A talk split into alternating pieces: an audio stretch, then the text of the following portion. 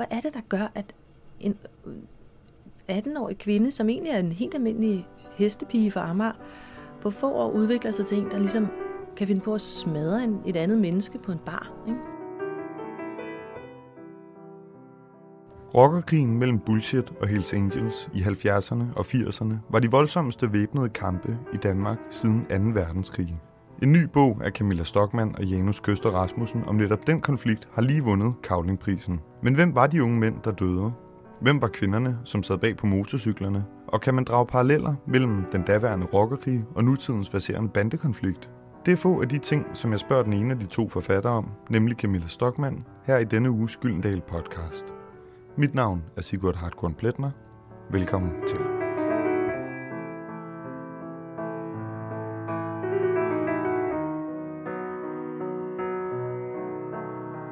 Jamen nu sidder jeg så her i det lille rum, som vi kalder garagen inde på Gyldendal, som er et lavloftet øh, rum, der mest alt ligner noget fra en, en julekalender. Og over for mig sidder du, Camilla Stockmann, øh, og tak fordi du vil komme på besøg. Jamen selvfølgelig. Og for øh, den uvidende lytter, hvis næse det skulle være gået forbi, så er du den ene forfatter af de to bag øh, bogen Bullshit, som netop har vundet Kavlingprisen. Det er rigtigt. Og den har du skrevet med øh, Janus Kølster Rasmussen, der udover at være din medforfatter, også er din mand. Og det synes jeg jo er, det synes jeg er fantastisk. ja. Men det, øh, det kan være, at vi kommer lidt mere ind på det. Helt indledningsvis, hvad er, øh, hvad er bullshit? Jamen, Bullshit, det er en, øh, en journalistisk bog, altså en dokumentarisk bog, øh, der handler om den første danske rockerkrig og dem, der tabte krigen. Det er helt kort fortalt. Og hvornår fandt den krig sted, og hvad var det for en for dem, der er født, øh, ligesom jeg, efter øh, 87? Ja, altså for, øh, for jer, der er født sådan, øh, jeg vil nærmere sige sådan, i, øh, altså jer, der var øh, minus 10 år øh, i 1983, jeg kan ikke huske det, men det var, den, øh, det var en krig, der udspillede sig øh, i København i øh, 10-året mellem 1977 og 87. Øh, det var den første krig, og det var voldsomt. Altså det var på spisesedlerne, det var nationale nyheder, og der døde i alt øh, 10 unge mænd. Og det havde man simpelthen ikke set før. Altså det er de største øh, væbnede kampe siden 2. verdenskrig i Danmark jeg kom til at tænke over, hvordan besluttede, eller hvorfor besluttede jeg for at skrive om netop det, en bandekrig, der ligger, jeg har været 30 år tilbage i tiden? Ja, godt spørgsmål. Altså, hvorfor, hvorfor kaster man sig over sådan noget? Øhm, jo, Janus havde faktisk allerede lavet et program til Danmarks Radio om mordet på Makranen. Makranen, han var deres øh, præsident, Bullshits præsident, og han blev øh, likvideret, mens han sad i sit øh, foran sit hus på Amager i 1983. Det er et øh, drab, som mange kender til. Det blev begået af Jynke, som siden blev højtstående medlem af Hells Angels. Nå, øhm, han havde fundet ud af, at der var en større historie, og at den historie ikke var fortalt. Og jeg havde en helt anden indgang til det, og det var, at jeg voksede op på Amager, og når jeg var på weekend hos min far, øh, jeg var skilsmissebarn, så øh, besøgte jeg ham i hans lejlighed på Kirkegårdsvej, og han var simpelthen nærmest nabo til øh, Bullshit, da de havde deres andet klubhus øh, på Kirkegårdsvej. Så jeg så dem sådan lidt på afstand, du ved, sådan, som sådan barn, der ser de her rockere, der lignede sådan nærmest en monstre gå hen ad gaden, ikke? Og det var sådan, øh, jeg kan huske, jeg undrede mig. Altså jeg undrede mig over, hvorfor at for det første, folk havde lyst til at se sådan ud. Altså de havde de her så øh, læderveste og rygmærker, så enormt beskidte ud.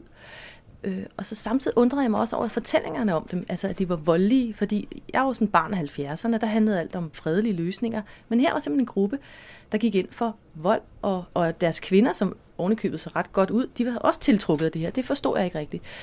Det var selvfølgelig sådan en infantil, øh, kan man sige, nysgerrighed.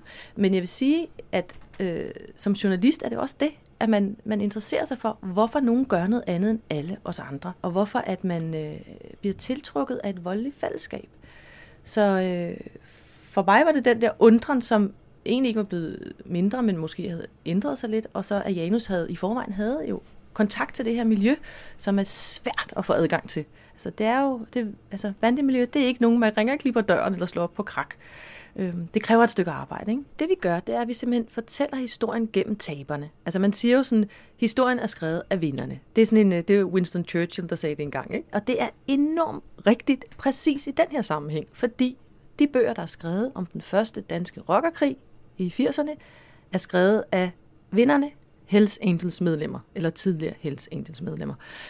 Det vi, var, det, det vi synes var interessant, det var at udfolde historien for dem, der tabte, for den fandtes simpelthen ikke.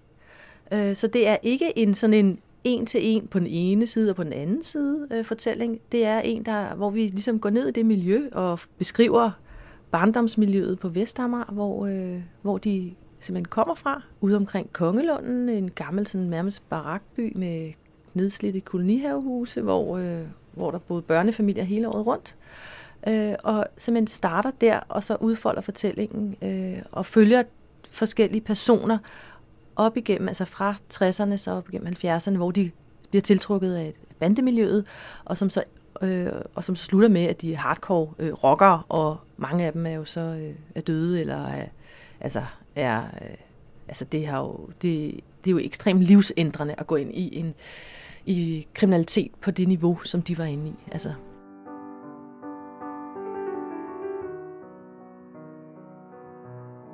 den gruppe, der hedder Bullshit, som vi skriver om, den, øh, den øh, består faktisk af, altså den fusionerede af to andre mindre grupper. Den ene var øh, gruppen fra Vestamager, Nørre Mindebanden, øh, som var en knallertbande. Altså du skal forestille dig sådan nogle hestepiger og knallerdrenge, ikke? Øh, som ikke ligner rockere overhovedet, men det var sådan nogle 16-17-årige fyre, som øh, havde gjort sig skyldige i sådan noget med indbrud pølsevogne og sådan noget. Og der var en, der havde stjålet en porcelænsfigur fra en, fra en øh, kro, lokal kro. Ikke? Og den anden, øh, anden gruppe, der fusionerede med dem, det var en gruppe fra København, der hed Filthy Few, som var sådan lidt mere hardcore. Øh, men de havde egentlig, altså de var egentlig, de stammede egentlig fra en kostskole, altså på Vestjylland. Så det var sådan et ungdomsmiljø, og de blev, til, de blev til bullshit på den ene side. Og på den anden side, så var der så Hells Angels, som jo er en internationalt funderet klub.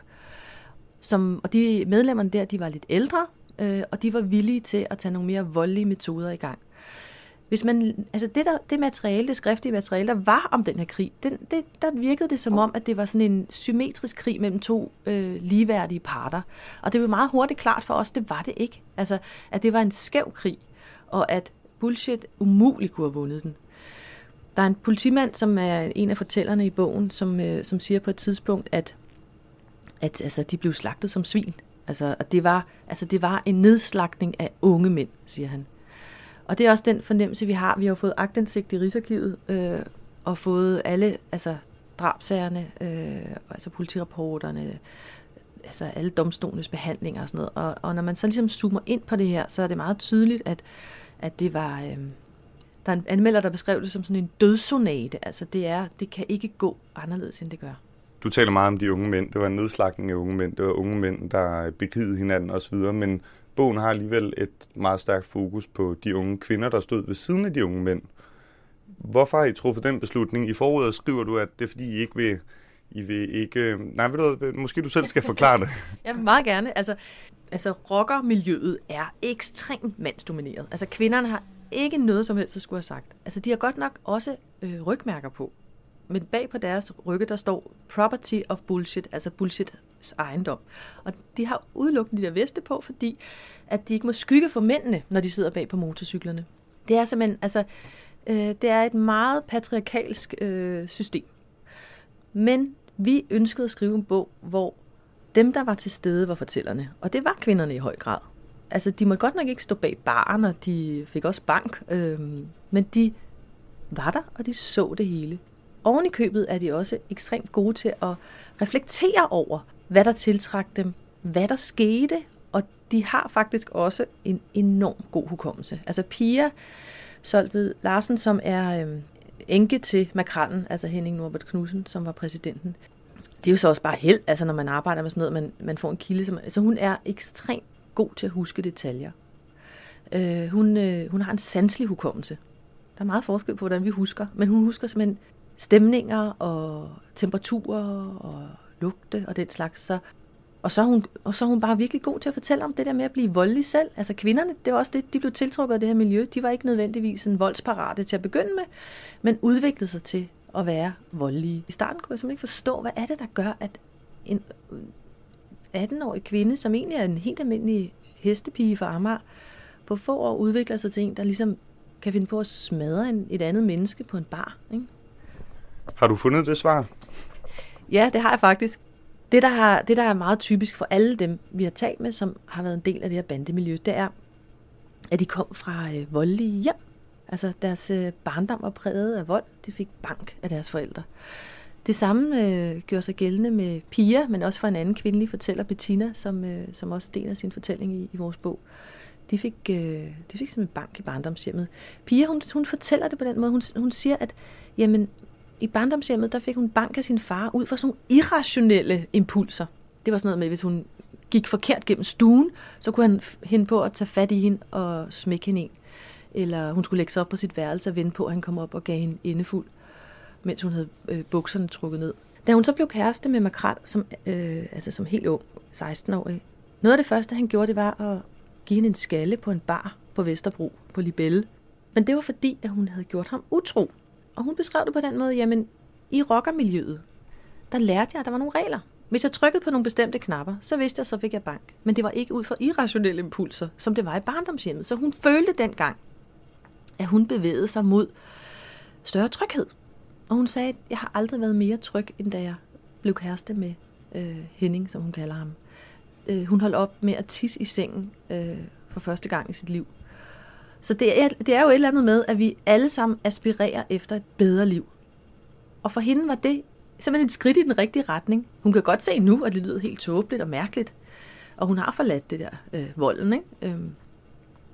Men det var, altså, det var, det var svaret. Altså, at hun... Øh, og så tror jeg, at det er også bare sådan arv og miljø. Altså, hvis du har været udsat for noget, så virker det jo normalt. Altså, vi andre, der ikke øh, har fået bank, vi kunne ikke forestille os noget værre, end at, øh, at have en partner, der bankede os. I forbindelse med, at I øh, fik Kavlingprisen her for ganske få dage siden, øh, hed det sig i motivationen, kilder, der har været tavse i 30 år, har talt. Det har I fået dem til. Hvordan har I gjort det? Jamen, øh, som jeg sagde i starten, der var det jo, altså det var jo heller ikke sådan, at man lige kunne slå op på krak, altså så lige ringe til folk og sige, øh, vi svinger lige forbi, og så kan du fortælle din historie. Altså, det er ikke sådan, man gør. Men vi gjorde det, at vi gik igennem kvinderne, og også øh, altså de bløde kilder, pædagoger. Vi fik øh, kontakt til en, øh, en tidligere pædagogisk leder af den ungdomsklub på Vestamager, hvor de unge mødtes og lavede deres øh, rygmærker i lederværkstedet.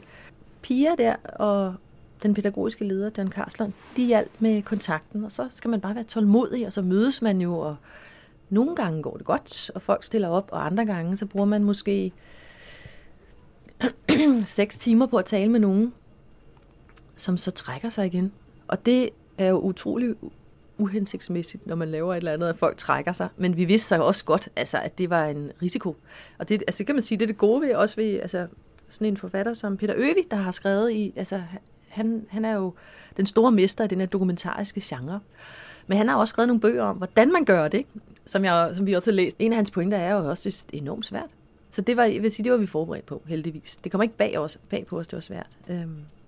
Peter Øvig, han, øh, han har jo oplevet med, med nogle af de bøger, han har gået i gang med, øh, eller i hvert fald en af dem, og, og ombestemme sig, fordi der var for, stor, øh, for mange trusler og for stor utilfredshed i det miljø, han ville portrættere. Det tænker jeg, det må det da også. Det er jo et relativt betændt og kriminelt miljø, som I er trådt ind i her. Har I mødt øh, modstand? Har I, har I tvivlet på, om, om det var det rigtige at gøre? Øhm, altså man kan sige, forskellen fra det, han har forsøgt med, med Pusher Street øh, og vores bog, det er, der er jo, altså Pusher Street, det han ville skildre, det var også nu og her. Altså han skulle ud et sted, der eksisterede. Og det er klart, det var svært. Altså, vi, det var en risiko selvfølgelig, at vi gik ind i det her, og vi på et eller andet tidspunkt kunne se, at det kunne vi ikke løfte, eller øh, kilderne ikke ville stille op. Altså, det værste, der kunne ske, det var jo så, at vi var nødt til at betale forskud tilbage til forlaget, eller altså vi så ikke kunne gøre det. Men altså, det er jo, det er jo så det værste, der kan ske, kan man sige, ikke? Men det var vi villige til på en eller anden måde. Altså det, nogle gange må man jo bare kaste sig ud i det, og så er det bare en fod foran den anden, og så håbe det går. I selve tilblivelsen af bogen, og i, i og med, at I er kommet dybere ned i materien og i stoffet, har der så været noget, der har overrasket jer, eller kommet bag på jer i hele den her fortælling? Nogle fordomme, der er blevet øh, gjort til skammer, man så må sige? Jamen altså, jeg tror, vi havde det der med, at altså, det virkede sådan lidt som en kliché, det der med, at det er samfundets skyld, og det er børn, der kommer fra dårlige øh, hjem.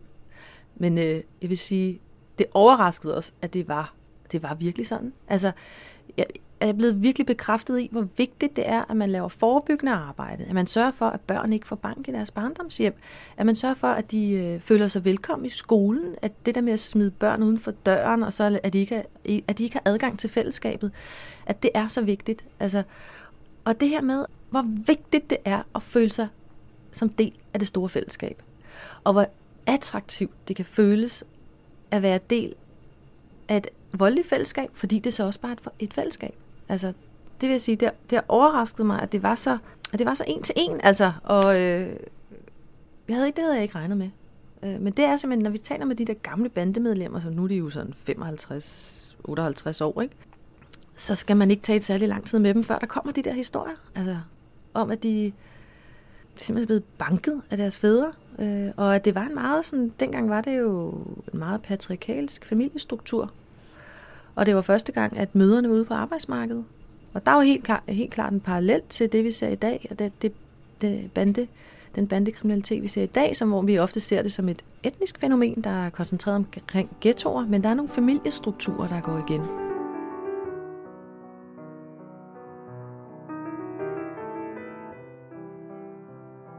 De ting, du nævner øh, i forhold til fordommen, det er jo som sådan ikke ting, der gør op med fordommen, det er nærmere ting, der bekræfter den her fordom om, at, at en, en dårlig opvækst, en manglende tilhørsforhold til fællesskab osv., det er det, der føder de her problematikker.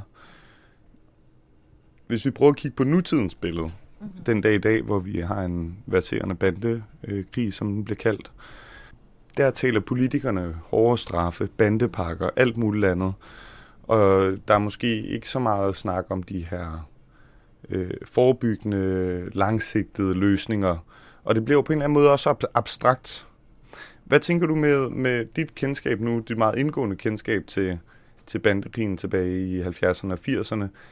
Hvilket lys ser du så den nuværende, eller rockerkrigen, undskyld, den nuværende bandekrig i? Jamen, øh, jeg tænker bare, altså, der er nogle, der er nogle paralleller, og øh, det, som især er blevet tydeligt for mig, øh, det er, at de helt unge, altså 7-8-9-årige drengebørn, altså at det vil give mening at hjælpe dem bedre på vej. Altså at de bliver løftet, og at øh, man i stedet for at straffe dem, når de er 12 år, altså man taler jo faktisk om at nedsætte den kriminelle lavalder til 12 år, ikke? og indføre straffe, altså så fagne dem og vise dem, at øh, der er nogle andre drømme. Øh, for det, der er meget tydeligt i vores bog, når man taler med de her unge, og man, når, hvis man læser deres breve fra fængslerne og deres dagbøger og den slags, det er, at der var sådan et drømmefravær. Altså, de troede ikke, at de kunne få et andet liv. Altså, der, der var ikke, de blev ikke tilbudt noget andet. Øh, og det skal selvfølgelig komme et eller andet sted fra. Og de skal, de skal se det. Altså, de, det er selvfølgelig svært, hvis de bliver konfronteret med et, deres egen familie, hvor det ikke lykkedes. Men øh, det der med at få tilbudt nogle drømme, og se, at livet kan være noget andet end bandekriminalitet, og at leve et farligt liv, hvor man bliver slået ihjel. Man kan ikke sige, at det er en til en. Altså 1980'erne og øh, det, vi ser i dag i ghettoerne, det er, ikke, det er ikke helt det samme. Men der er trods alt nogle mønstre, som, øh, som går igen. Og det der med at straffe, det er klart, det giver stemmer. Altså der er ikke noget nemmere end at få stemmer ved at sige, at øh, man skal straffe hårdere. Men som du også er inde på, altså de langsigtede løsninger og det med at få fat i de her unge, det er, det er simpelthen det, som, øh, som man ved virker. Altså, og at de får nogle forbilleder, som ikke er de der hardcore ældre bande øh, medlemmer, der går rundt i deres nærmiljø. Når du har, eller du og Janus har talt med, med de her folk, der har været involveret i det, dem der er overlevet, og dem der har ønsket at tale med jer, hvordan ser de så tilbage på det den dag i dag? Øh, det er ret forskelligt. Altså, det, det, det er virkelig faldet forskelligt ud. Altså, der er nogen, der lever fuldstændig almindelige liv, og så er der nogen, der er sådan forkrøblet af det liv, de har levet dengang. Men det, det, der var typisk, det var, at de, de ser dobbelt på det. For det første, altså, eller dels var det noget, der, var, der gav dem enormt meget, fordi det, det gav dem et fællesskab dengang.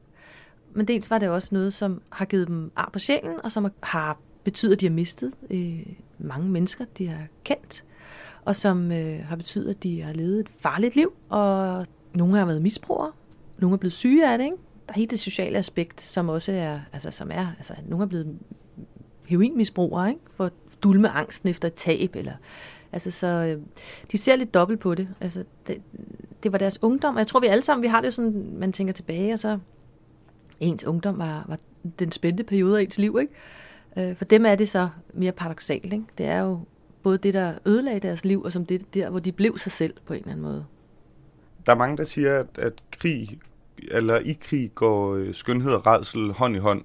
Øh, det synes jeg, jeg har hørt mange gange også øh, med folk, der har rejst i krigszoner i udlandet.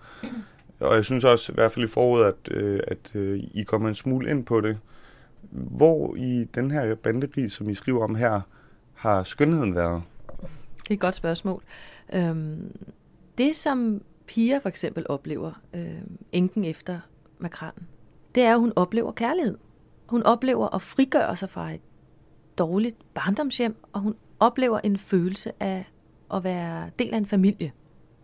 Og hun får venner, og hun løfter sig op af noget. Ikke?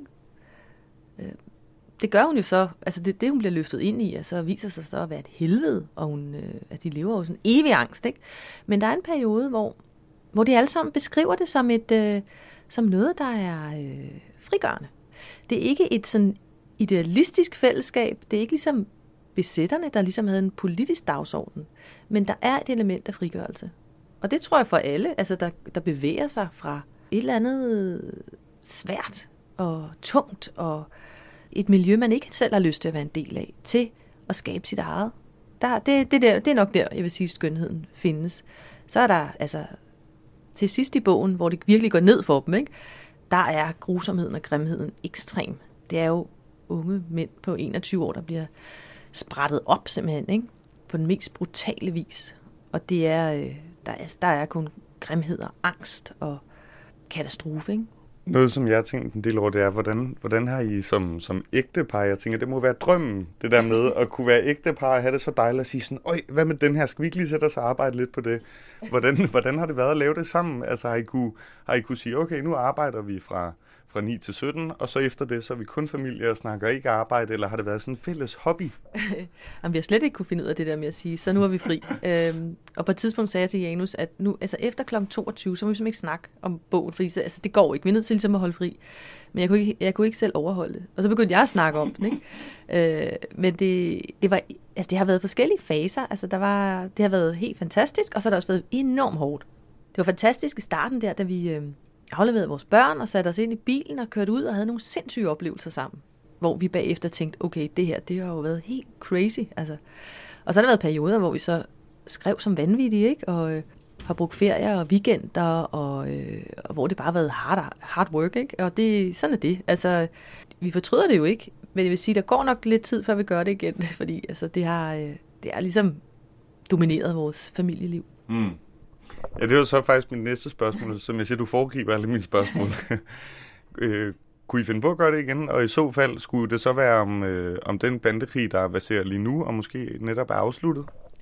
Øh, altså, vi kunne måske godt finde på at gøre det igen. Ikke lige forløbig, men jeg tror, det skal handle om noget helt andet.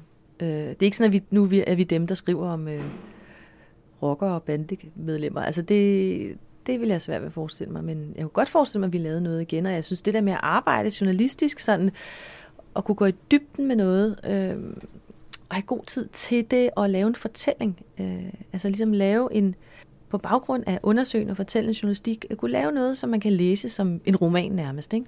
Det har været enormt fantastisk at gøre. Ja, man kan sige, at bogen den gør, gør meget brug af, af de dramaturgiske modeller og, og skønlitteraturens fortællergreb. Det gør meget journalistik jo også. Hvor, hvor bevidst et greb har det været? Altså, det har været meget bevidst. Det, det har vi arbejdet enormt meget med.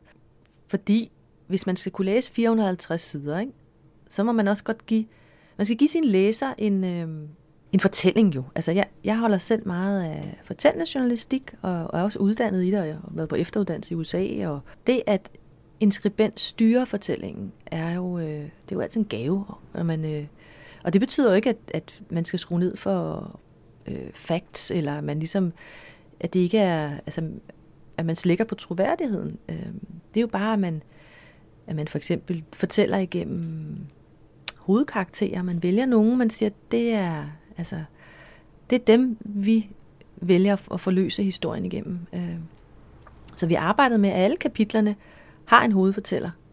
Øh, sådan så, at, at man som læser har også en grad af identifikation. Øh, det er jo ikke kun bandemedlemmer, der fortæller. Det er også tidligere politifolk og pædagoger. Og vi har valgt sådan nogle, nogle stemmer, der ligesom er er nogle personer, man kan, man kan identificere sig med. Hvilken person eller fortælling, øh, som du har stødt på undervejs, har gjort størst sådan indtryk på dig personligt? Jamen, øh, jeg skrev øh, øh, de kapitler, som, hvor øh, Pia er fortæller, og det gjorde jeg på baggrund af mange timers interview, men også hendes gamle dagbøger og breve og personlige papirer. Det der ved at gå så tæt på et andet menneske, det var fuldstændig vildt for mig. At kunne øh, nærmest... Mm, det var følelsen af ligesom at kunne sådan, trænge ind under huden på hende, på en måde, som jeg ikke har prøvet før. Tror du, det vil kunne gøre en forskel, hvis nogle af de mennesker, der arbejder med øh, de udfordrede unge i dag, som måske øh, kan falde ind i bander, eller hvis politikere læser den her bog, tror det vil kunne gøre en forskel i forhold til, hvordan vi kommer videre og gør ting bedre som samfund?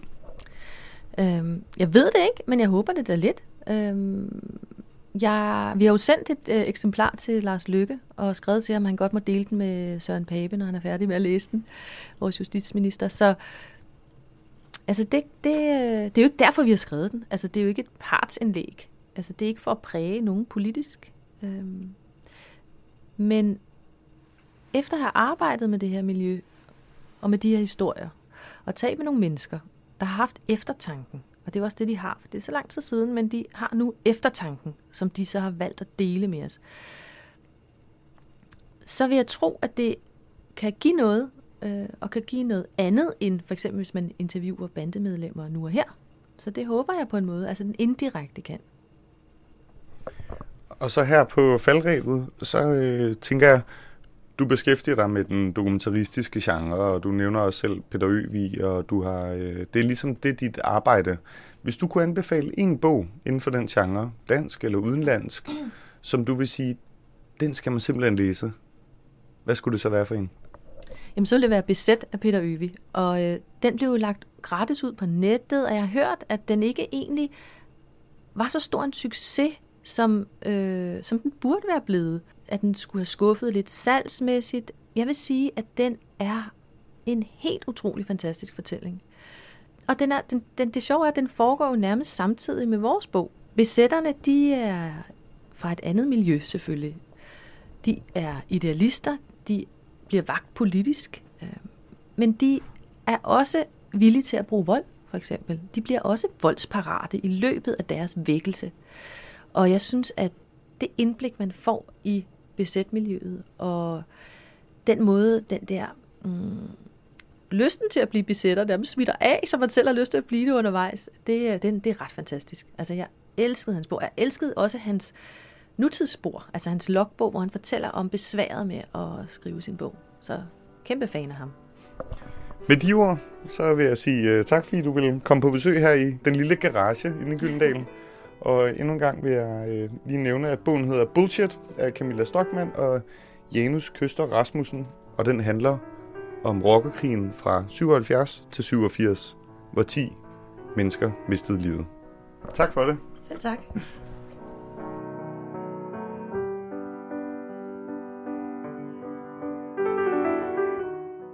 Tak fordi du lyttede med. I redaktionen her sad Silke Fensmann, Maja Ermel og jeg hedder Sigurd Hartkorn Pletner. Musikken er komponeret af Mads Kok, og du har lyttet til Gyldendal Podcast på Genhør.